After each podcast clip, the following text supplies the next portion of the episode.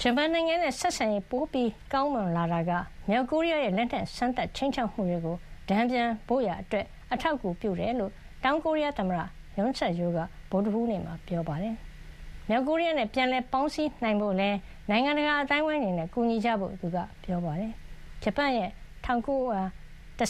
1945ခုနှစ် ကိုရီးယားသိမ်းပိုက်မှုကို ဆန့်ကျင်တဲ့ လွတ်လပ်ရေးတိုက်ပွဲဝင်လှုပ်ရှားမှု အထိမ်းအမှတ် မိန့်ခွန်းမှာ ယွန်ဆက်ယိုးက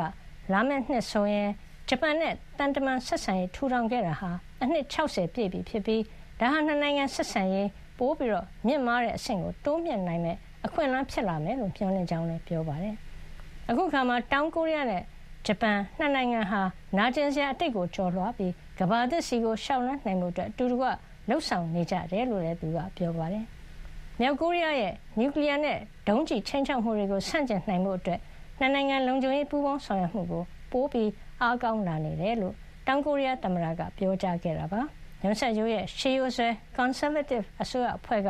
တရုတ်ဩဇာလွှမ်းမိုးမှုကြီးထွားလာချိန်တခါမြောက်ကိုရီးယားကလည်းဒုံးကျည်နဲ့နျူကလ িয়ার စမ်းသပ်မှုတွေအရှိန်မြင့်လှုပ်ဆောင်လာနေချိန်မှာနှစ်ပေါင်းများစွာတမိုင်းမှာမကြေလည်ခဲ့တာတွေဖြစ်တဲ့ဂျပန်နဲ့ပိုးပြီးတော့ကောင်းမွန်တဲ့ဆက်ဆံရေးကိုတိဆောက်လာနေတာလည်းဖြစ်ပါတယ်။